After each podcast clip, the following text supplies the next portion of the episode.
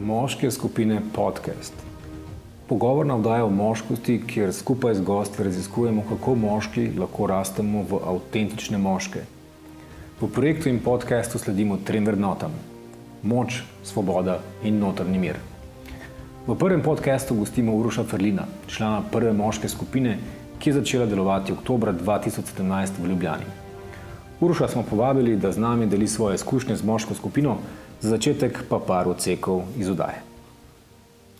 Moč tega kroga, kako je, če se že skupina ljudi v krogu sede in dejansko pusti besedo vsakmu posebej in ga posluša. Ko se izraziš, ko šeraš, da je dejansko tišina in te moški v bistvu poslušajo. Poslušajo, kaj imaš za povedati.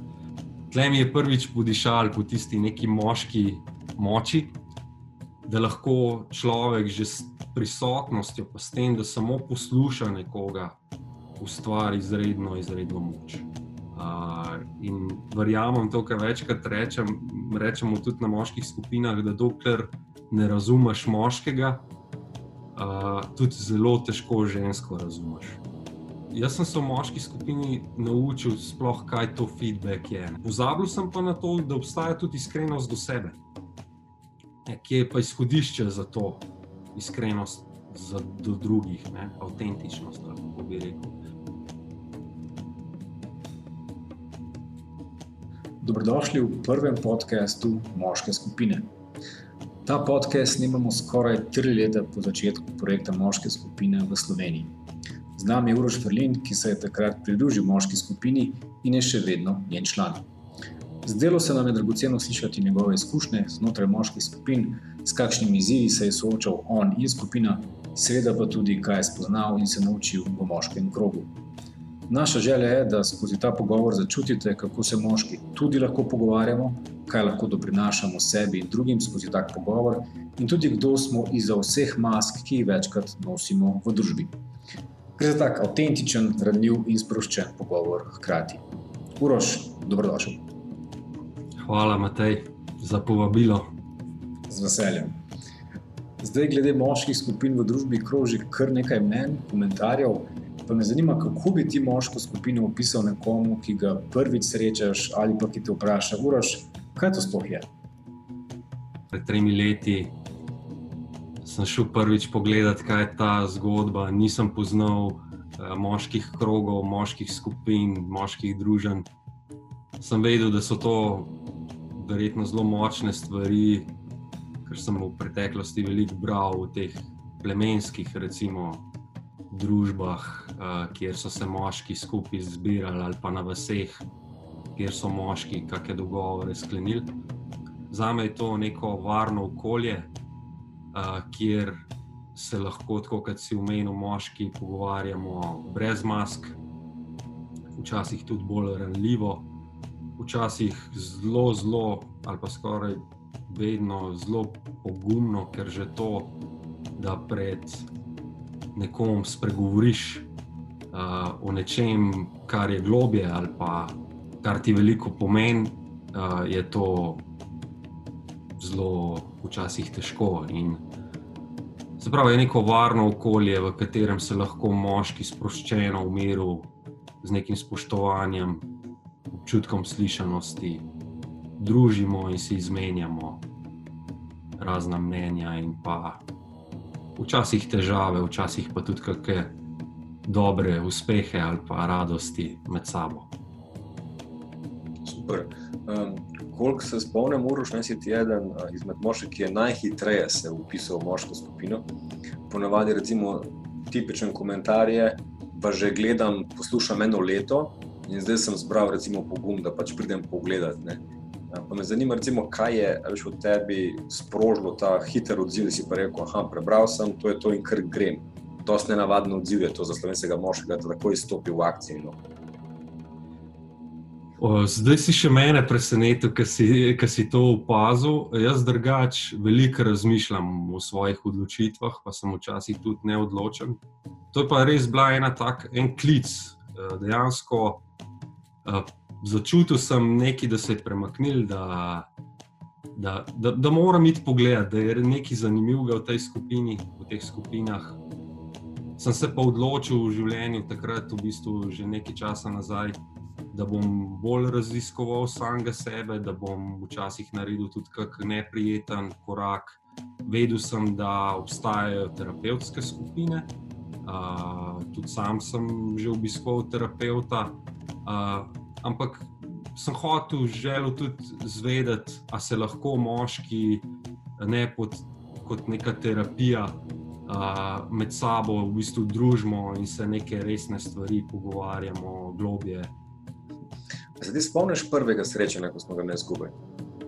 Tri leta nazaj. Skoraj. Ja, bilo mi je malo nelagodno na začetku, so bili neki tisti mravljinci, kaj zdaj jaz sploh tle delam, kdo je ta skupina, kdo sta ta dva človeka, kdo je Matej, kdo je Borod.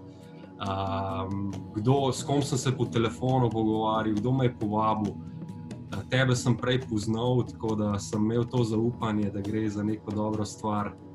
Se spomnim, da sem bil zelo navdušen, da sem zelo probo tudi nekako to navdušenje pokazati nad to, da smo se končno, se lahko zdaj moški med sabo pogovarjamo odprto in se slišimo. Uh, tako da se spomnim zelo, zelo, zelo jasno, predvsem velik učinek je naredil za me krok. Moč tega kroga, kako je, če se že skupina ljudi v krogu sede in dejansko pusti besedo vsakmu posebej in ga posluša. Uh, to moč sem pa takoj na začetku začutil in sem rekel, ok, tle se more nekaj skrivati. Uh, ni bi bilo še čist jasno, zakaj gre, ampak sem se prepustil. V bistvu se tudi jaz spomnim prvega srečanja, te kombinacije nelagodnosti in navdušenja. Hkrati pa je bila meni tudi močna želja, da to vse skupaj uspe. In potem po prvih srečanjih se spomnim, kako sem bil vesel, ko sem videl, da skupina deluje, da se pogovarjamo o zelo globoke stvari, da skupaj rastemo in da en drugega tudi dobro izzivamo. Veš, kaj me zanima? Če gledaš teh prvih par srečanj tri leta nazaj in zdaj obdobje po treh letih, kakšen proces si doživel in naredil v moški skupini? Kako se kot moški zdaj drugače dojemaš, kot pa na začetku, ko si se skupini pridružil? Takrat, ko sem noter prišel, sem bil zelo, bi rekel, vase usmerjen se pravi, pa v svoje probleme. Nekak, kaj, recimo, temu, neke stvari sem imel občutek, da moram v življenju rešiti iz preteklosti. In to je bil tudi recimo, moj povod uh, za to, da sem prišel noter. Uh, se pravi, nek konkretni, konkretni izziv, ki sem si ga takrat zadal, je bil izboljšati odnos uh, s svojo mamo. Uh, tako da pa nas starši na splošno, ker smo se nekako delili pa s svojo družino, s svojimi bližnjimi. Uh, in seveda, takrat si osredotočen predvsem na to, v sebe, kakšne kak napake imaš, kakšne probleme imaš v življenju. Sem prišel bolj iz tega, iz tega zornega kota in me je zanimalo, če imajo take probleme tudi drugi moški, take izzive. Uh, potem sem pa nekako uh, skozi to ugotovil, uh, v bistvu dubu neko zelo, zelo močno uh, uh, ogledalo, ali kako bi temu rekel. Uh, večjih ljudi, ponovadi smo navajeni se pogovarjati ena na ena s kakšnim prijateljem v gostilni ali pa s kakšno prijateljico, partnerico, karkoli. In je, te pogovori potekajo tako ena na ena. Tukaj je pa tisto, me presenetilo, ko dejansko, ko nekaj poveš iz sebe, ko, ko se izraziš, ko šeraš, da je dejansko tišina in te moški v bistvu poslušajo. Poslušajo, kaj imaš za povedati.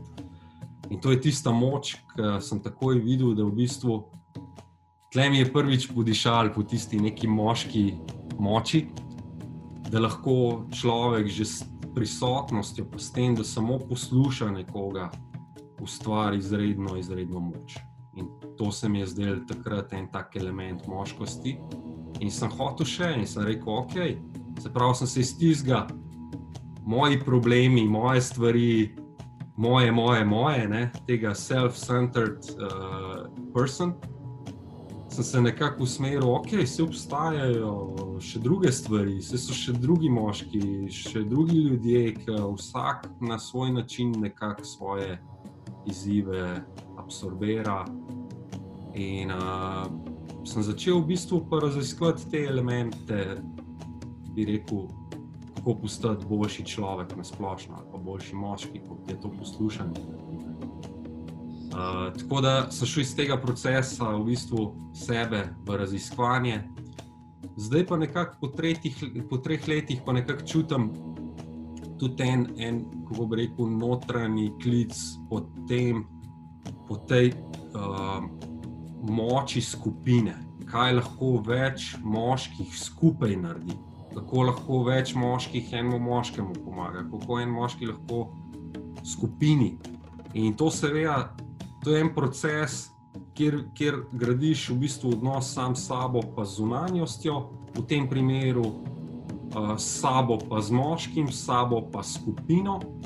In iz tega se avtomatsko učiš tudi odnos z drugimi skupinami, z ženskami, z družino. Se pravi, tle ena moč v, tem, v tej gradnji v bistvu odnosa, od samega sebe pa do, do, do, do bi rekel, neke družine, skupnosti. Tako da se kar, kar nekako se širi to, bi rekel, in te elementi, kako bi rekel, v tem procesu, ker najbolj je ti zanimivo, kaj, zakaj je zdaj za te moški, pa kaj je za me, za vsakega je malo drugače. Ne? Težko je definirati, kaj zdaj moškost je. In vsak nekako gradi eno svojo podobo tega, bi rekel, moškega, ampak zdaj vsaj ima neke uh, realne elemente, ne sanjar o tem, ali pa ne gleda televizije, pa si nekega idola predstavlja uh, kot moškega, ampak dejansko ena na ena ali pa v bistvu neposredno vidi pri večjih moških kaj, in si gradi enega svojega, eno svojo podobo o tem boljšem sebi. Uh, in verjamem to, kar večkrat rečem, rečemo tudi na moških skupinah, da dokler ne razumeš moškega, uh, tudi zelo težko žensko razumeš. Mm -hmm. uh, se mi zdi, zelo strinjam. Ja da sem prišel iz razumevanja, prej sem dejansko si želel ženske razumeti, sem prišel zdaj do tega, da us, mogoče malo razumem bolj moške in tega posledično tudi ženske in pa družino in pa uh, širši krog uh, skupine in tako naprej. To, kar si rekel, ta prenos fokusa iz sebe, vedno bolj na skupino in na druge, v psihološki teoriji pomeni tudi en del odraščanja in zrelosti. Se pravi, nisem več fokusiran samo na sebe in na svoje potrebe, temveč sedaj želim zrasti v osebo, ki doprinaša tudi drugim, se pravi, skupini. Kako se je pri tebi zgodil ta preobrat? Je bil to nek kontinuiran proces, ki se dogaja počasi, ali pa je bil to nek preboj v življenju, ker si dojel, da si dovolj močan, dovolj samozavesten, da se imaš dovolj rad, da lahko razmišljaš širše? Res me zanima, no, kaj se je zgodilo uh, pri tebi. Sem nekako na poti, da odrastam, da sto procentno odgovornost za sebe prevzamem v tem, v tem življenju in neham kazati na druge in kriviti druge za moje probleme. In če si me že vprašal, kaj je bil tisti največji vzgib v sami moški skupini, ki je to pripeljal, je bil en moment, ko sem uspel v bistvu prepoznati da sem bil večkrat v življenju neiskren sam do sebe. Kar pomeni, da sem imel neke maske, da mi je bilo bolj pomembno, kaj drugi menijo o meni. Ne, to je, da, da sem imel neke strahove, kaj bojo zdaj drugi rekli. Uh, Poham teh nekih vzgibov, strahov, stvari, uh, ki te delajo, da včasih uh, uh, narediš kakšno stvar, v bistvu čist proti sebi, ali pa kar sebi v bistvu zakriješ neko resnico, ali pa si neko zgodbo ustvariš. Preprosto rečeno, iskrenost do sebe. Uh, to je bil konkretno en moment, kjer dejansko sem je meni kapnil, da okay, obstaja v bistvu iskrenost na splošno do drugih, uh, biti odprt, kaj zdaj to iskrenost, je spet vsak drugačen. Uh, drugačen na nek način razmišlja, ali pa ima drugačen pomen za vsakega.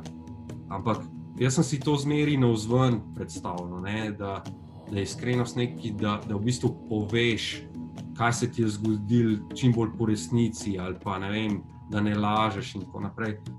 Pozabil sem pa na to, da obstaja tudi iskrenost do sebe, ki je pa izhodišče za to iskrenost za, do drugih, ne, avtentičnost. Kako bi rekel.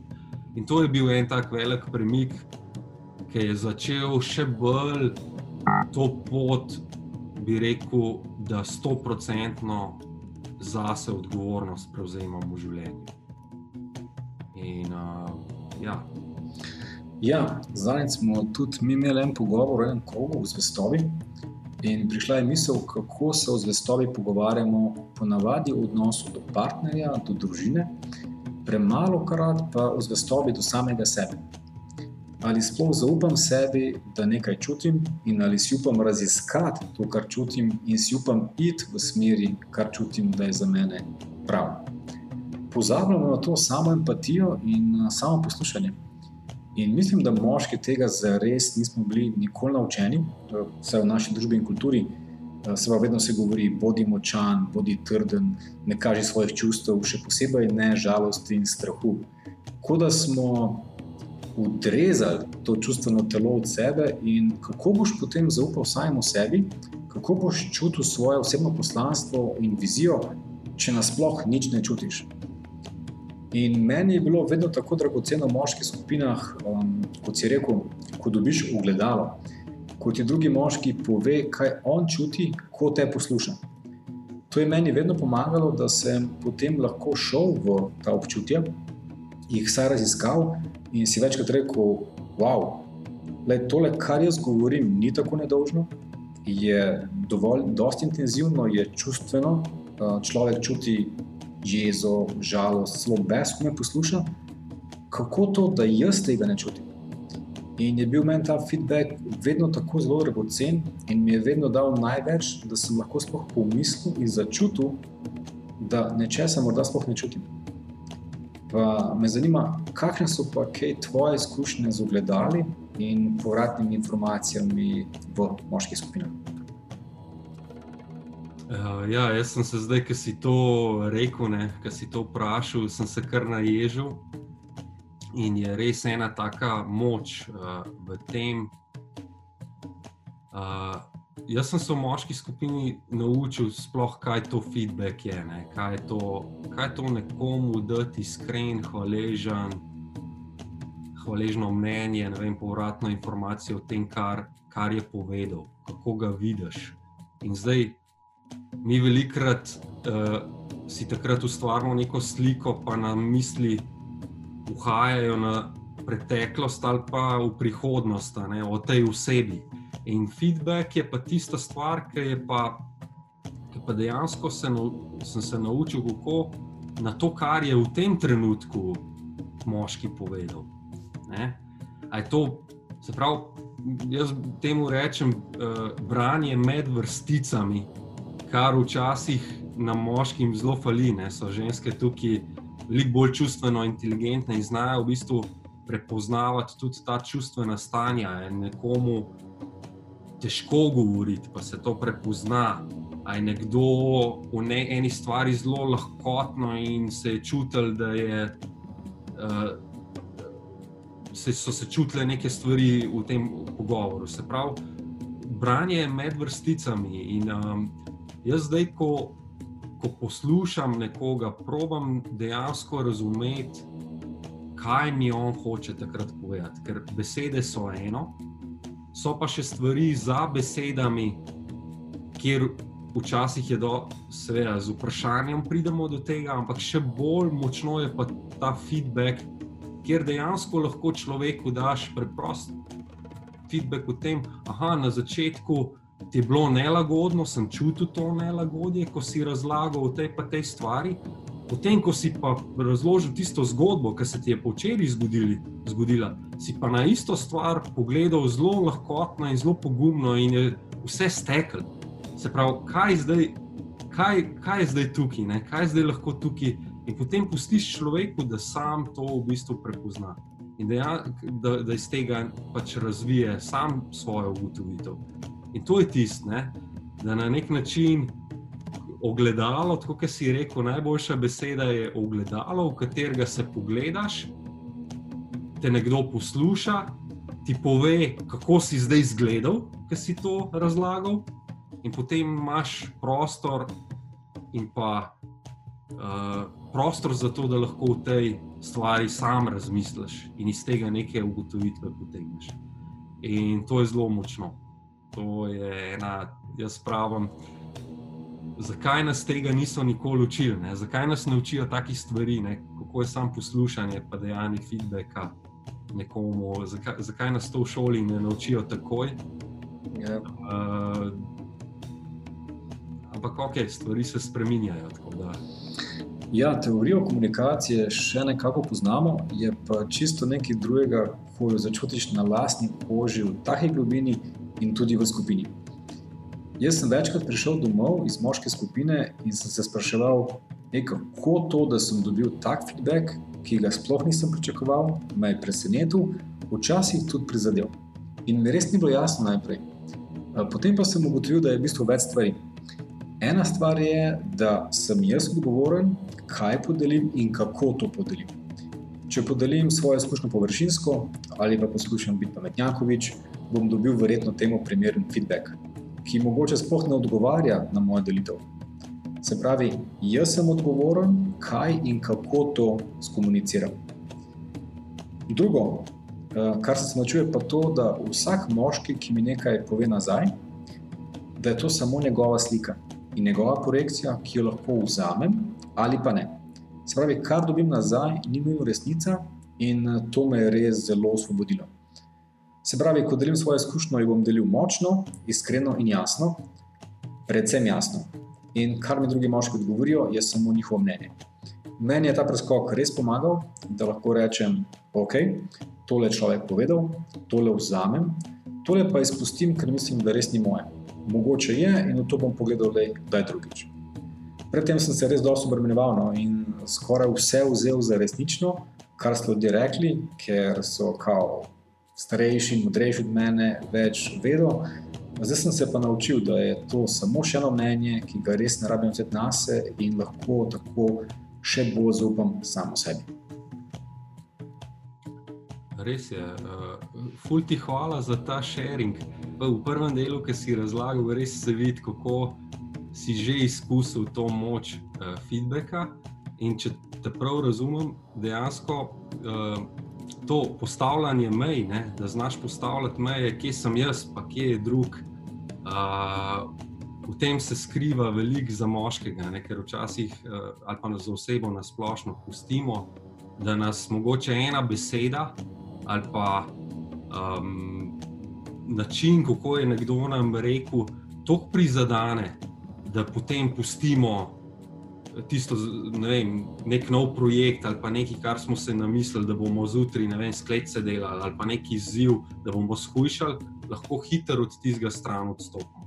Je bilo čutiti to, da, da si že večkrat bil, da si že večkrat bil v poziciji, kjer si mogel postaviti to mejo in v bistvu prepoznati, ali je to zdaj od, od eh, druge osebe ali je to tvoje. In praktično tle je ena moč, da človek človek, vsak ima svojo pot in vsak ima svojo zgodbo, in zdaj pobira te delčke, se pravi, sam pobira stvari, ki so po v bistvu k njega še bolj v moči držijo, ali pa v nekem miru, ali pa v, nekih, v, nekmu, v neki radosti, ali pa karkoli, ne, kar takrat potrebuje. Ena stvar, ki se jo zdaj tudi učim preko tega, je soočanje in sprejemanje bolečine. Neka povratna informacija lahko tudi mene zaboli, da pritisne na nek moj knov, vzorec in najraje bi od tega zbežal. Vidim pa, ko me nekaj zmoti, ko trznem, da je tam nekaj pomembnega za me, da v bistvu ugotovim. Mi je pa sedaj vprašanje, kako zbrati dovolj moči, da si bom upal pogledati v tisti vzorec in da si bom upal zavestno iti to raziskovati. Včasih priznam, tega ne zmorem. Vedno bolj pa se zavedam, da če me nekaj boli, da je tam tudi dobra življenjska lekcija za mene. Eh, zdaj vem, da lahko grem bolj zavestno v to in se vprašam, zakaj me je nekaj zabolelo, kje točno jim boli. In uh, ko slišim kaj takšnega, se večkrat vprašam, hm, tej, kje si začel manj vredeti vase, manj zaupati vase, kje misliš, da nisi dovolj močen in zakaj me sploh to meče iz tira. In v tem vidim veliko bogatstva za mene, v takšnih izzivih in tudi bolečinah, ko jo čutim. In to je bilo za mene nekaj čisto novega. Pred tem, oziroma pred leti, sem vedno mislil, da če me nekaj boli, boš da grem stran od tega. Ne? Zbežim od bolečine, ker očitno bolečina ni dobra za me. Danes pa vidim, da skozi soočanje z bolečino in izzivi, takrat, ko to zmorem, seveda zelo, zelo odraščam. Pa me zanima, Uroš, eh, kaj so bili kaj tvoji izzivi, v katere si šel bolj zavestno, oziroma kaj so tvoji trenutni izzivi, s katerimi, si, s katerimi se zavestno soočaš. V tem trenutku, recimo, kaj lahko rečem, uh, so izziv odnosi, se pravi, uh, poglabljanje odnosov. Skozi obdobje uh, intenzivnost ali pa odnos v bistvu pada. Uh, bi, mene pa zanima, kako poglabljati odnose z ljudmi. Ja, pa zdaj sem se spomnil eno zelo močno, intenzivno obdobje, zdaj tudi ta, bi rekel, lockdown, naredil, da smo se vsi malo več v sebe uh, obrnili, uh, zelo sprejemanje samega sebe. Uh, na nek način, kako sprejeti svoje telo, uh, sprejeti um, svoje napake sprejeti nekaj razočaranja v življenju, neke bolečine, kot si omenil. Se pravi, sprejemanje sebe na splošno. Uh, drugi izziv je sprejemanje drugih. Uh, jaz sem skozi to obdobje ugotovil, da imam veliko jeze v, v sebi, neke neraščiščene, ki izhajajo tudi iz otroštva. In, posledično sem veliko imel tega overthinkinga, tudi nekako, um, kako bi rekel, obsojanja vse ljudi, ki so različni, čeprav me je različno zmeri zanimala. In to so stvari, uh, se pravi, sprejemanje tudi tega dela sebe. S tem sprejemanjem sem jaz recimo ugotovil, da sem včasih zelo strog do sebe, včasih tudi zelo surov včasih preveč fokusiran v eno stvar in odpade, pozabim na sebe, pozabim na druge okoli sebe. In tudi sprejemanje tega dela in delati s tem. To zelo rezonira z mano. Jaz sem bil družbeno vzgojen v prepričanju, da je moški tak aktiven princip.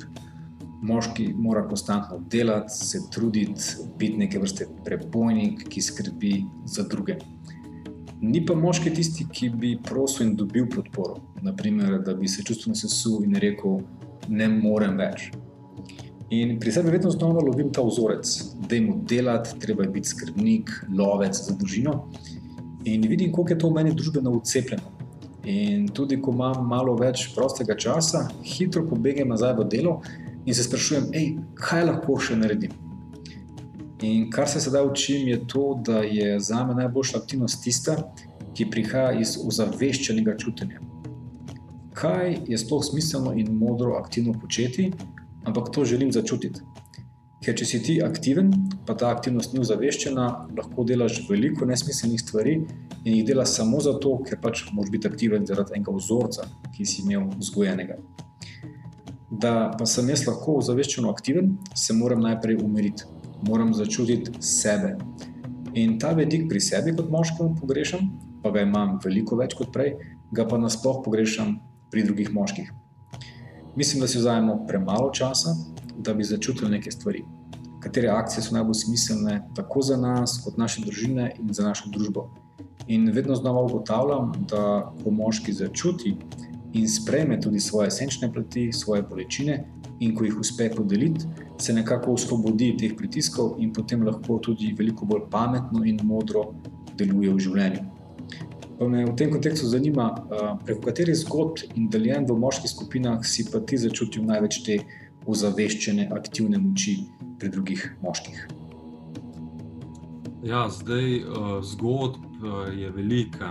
Um, najbolj se me pa dotaknejo take, ko se moški v bistvu uspe to podpreti, da pove kako zgodbo tudi, tudi iz otroštva takrat se mi zdi, da pa dejansko se vzpostavlja ena taka, um, čisto eno, greš v tisti čas, dejansko en, en tak. V, dru, v, neki, v neko drugo dimenzijo vstopiš, se mi zdi. Um, začneš bolj poslušati, sploh če to pove čez neko zgodbo, ne samo skozi občutke, ampak kako je on to doživljal. Uh, in uh, te zgodbe, v bistvu, kakšne, kakšen imajo uh, moški odnos z očeti, uh, tudi z mamo. Ampak, predvsem, prej sem omenil na začetku, da sem šel noter v moško skupino, odnos ali pa problem z mamo rešiti, ker so se pač oddaljila in so se veliko kregala.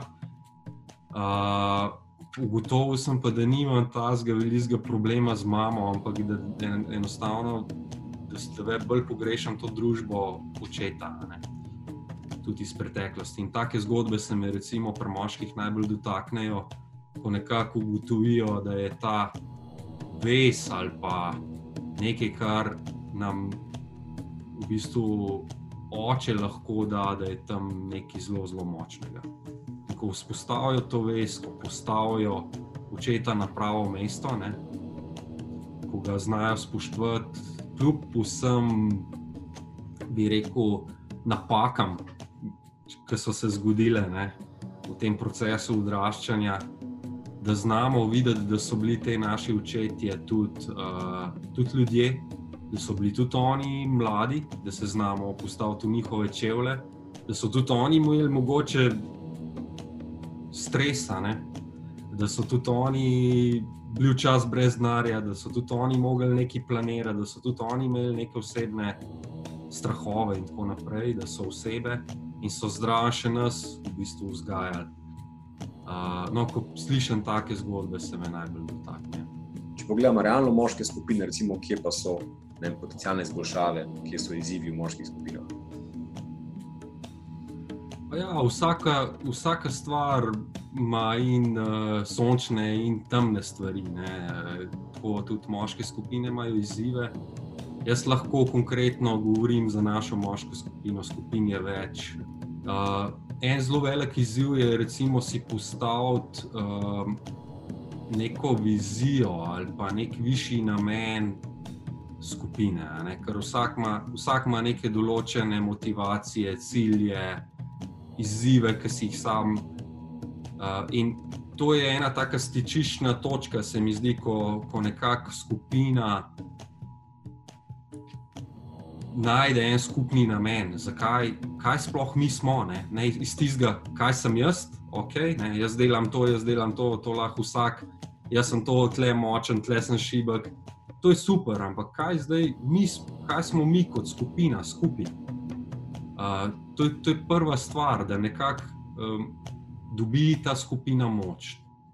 Tle je en izziv, se pravi, postavljanju samih, samega namena skupine. To velikrat tudi sami moški nimamo nekega namena, nekega cilja, zakaj bi hodili.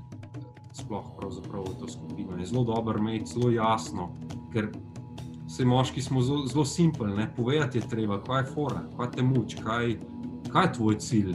Ok, ti bomo pol potem pri tem pomagali, če pa, ali pa te podprli. Če pa mi ne vemo, kaj ti hočeš sploh. Zelo težko, te bomo lahko sam poslušali, ne bomo pa mogli nekaj konkretnega predlagati ali karkoli te podpreti. To, um, ena, ena takih stvari so tudi konflikti. Kako, kako ravnati s konfliktom, tukaj s konflikti, ki se definitivno se dogajajo in nekako izziv je prepoznati, uh, da je konflikt v bistvu zelo, zelo dobra stvar. Ker takrat se stvari odprejo in šele faza, kako boš ti s tem konfliktom, pa kdaj ga boš šel razčiščati, pa na kakšen način, uh, je zelo pomembna. In že to zavedanje, da je konflikt v bistvu zelo dobra stvar za človeka, pa ne samo konflikt z nekom v skupini, ampak obstaja tudi konflikt sam s sabo. Mogoče se mi neki ne počutimo, pa skupina čist dobro laufa, pa mogoče neke stvari ne upamo povedati, nismo dovolj iskreni, nismo dovolj direktni včasih. Sprav to so recimo izzivi, kako handlati te konflikte, notranje pa konflikte, ki se ustvarijo med dvema človekoma ali pa v skupini. Uh, izziv je tudi postavljanje izzivlo, izzivov. Ne? V yeah. skupinah imamo tudi, uh, so, zakaj so meni všeč, ker so zelo strukturirane. Ne? Ker imajo dejansko nek, neko strukturo, kjer pošeraš stvari, daš feedback na to, vsak dobi določen čas, da, da je slišan. Uh, ena izmed stvari so pa tudi postavljanje izzivov, in um, včasih si je izziv postaviti pravi izziv. En rab malo bolj tazga, da, da, da se brcne urit, en, en, en, nekdo pa čist lahkotnega, pa lahko iz tega nekaj spremeni. In to je spet povezano s tisto prvo točko. Če nimaš nekega cilja, namena, zakaj bi sploh hodil v tako skupino, si zelo težko tudi pol, uh, izzive postavljaš, ki bi ta namen podpirali. To se mi zdi ful dobro, kar si rekel. Da ponavadi pridemo v neke skupine iz vlastnih razlogov, si rečemo, da imamo pozdraviti svoje bolečine. In če znotraj teh srečanj ne uspemo deliti sebe, pa tudi ne doprinašamo v smislu jasnosti namena, zakaj smo mi tam, bo s tem imela cela skupina izziv. In mislim, da se ne učimo tega samo moški, ampak vsi ljudje nasplošno. Se pravi, kje je moje mesto v družbi in kaj lahko doprinesem, ker ne morem samo imati od skupin in od življenja. In občutek imam, da se kolektivno učimo, kako dejansko sploh sodelovati kot družba. Moše skupine se mi zdijo super okolje, kjer se to evo, učimo iz tedna v teden, kako čutim svoj namen in kako čutim svoj namen znotraj namena skupine, kako se moj namen v to uklaplja, kako lahko soustvarjam neko skupino, ne pa da sem samo neke vrste parazit, ki samo jemlje iz skupine. Sprav, želimo biti enakovredni člani in členi, ki so ustvarjamo in doprinašamo, ko lahko, ko pa ne moremo, da znamo prositi za podporo, da jo potem dobimo in lahko gremo lažje naprej. To se mi zdi res tako vrhunsko znanje in čutanje zaznavanja skupinske dinamike. Evo, Uroš, za zaključek, eh, čutiš, da karkoli nismo povedali, oziroma kaj bi želel povedati za zaključek tega podcasta? Mm, jaz se počutim dobro ob tem pogovoru, uh, čutim mogoče en klic, da bi, uh, kako bi rekel, uh, da imajo te skupine en večji namen. Jaz bi si želel, uh, da moški malo bolj skupaj stopimo, da se v bistvu na nek način naučimo poslušati, da se um, ta, ta neki klic kako prideti iz tega um, Janeza, ki je bil zmeri okupiran ne, iz različnih in smo bili zmeri, kaj bo zdaj ta rekel, kaj bo sosed rekel. Uh, zmeri smo nekako moč iz sebe ven dajala. Ne. Kako zdaj, eh, se pravi, uh, dejansko mi je. Rad ali to zelo pomembno, da, več, da, da, da se čim več o tem pogovarjamo, in da nekako res zaživimo tudi v Sloveniji, moški bolj sproščeno, da postanemo boljši moški. Uh, imamo za to ful lepo okolje, smo ful dobro pozicionirani tudi tukaj, kar se tiče narave. Ne. Imamo vse potencijale in vse možnosti, in tudi drugi, pravzaprav sem presenečen, velikrat, ker nas vidijo, drugi, čist, čist skozi drugačne oči, sploh tujci. Ne, in se ne znajo predstavljati, zakaj smo slovenski moški tako nesamozavestni, zakaj imamo včasih uh, tako slabo podobo v sebi, zakaj, ko ti nekdo reče. Ej, urož, danes pa dobro zgledaš. Ma, ja, no, ok, sej, uh, veš, slučajno, danes sem nekaj dal na sebe. Uh, ne, hvala. Mislim, zakaj to lahko tujec naredi in se tukaj neka moč vzpostavi, pa ne rečem vsi, ampak zakaj tega slovenci, ki so to čist preproste stvari, samo zavestiti jih moramo in uh, uh, imamo, imamo to. No, uh, tako da je to potem klic uh, slovenskega moškega drugim slovenskim moškim. Tak, dober klic se mi zdi, da veš, kako uh, poiskati spet svojo lastno moč, ne? notranjo moč um, in kako potem živeti, veš, neko močno, avtentično, ne, pristno življenje. Jaz mislim, da imamo veliko zadat moški, nasplošno in v slovenskem okolju, in v globalnem okolju. In jaz pogrešam več te, bom rekel, zelo uh, lepe, močne moči, no. ne agresivne, ampak te ozaveščene moči, uh, veliko je za urediti na tem svetu. No. In mislim, da moški tukaj lahko uh, veliko doprinesejo da evo, se pridružujem tvojemu klicu eh, iskanja naših notranjih moči, pa predvsem živeti uh, potem to moč. Zdaj, Uroš, hvala ti resno iz, eh, iz uh, srca, da si se odzval, uh, si upal uh, podeliti stvari uh, tako globoko, avtentično uh, in sproščeno hkrati. Uh, to je zdaj evo, naš prvi podcast, pa mislim, da jih bo še veliko sledilo smo pa evo, odprli ledino, pa da vidimo, kam, eh, do kam bo ta sporočila šla. Hvala tebi in uh, podpiram take projekte in upam, da bo ta zadeva. Držim pesti in vem, da bo šla naprej in bi si rad ogledal čim več podkastov. To je bil prvi podcast moških skupin. Za ostale podcaste pa lahko preverite našo spletno stran trikratvorni v moske-skupine.si pošiljnica podcast. Pa srečno!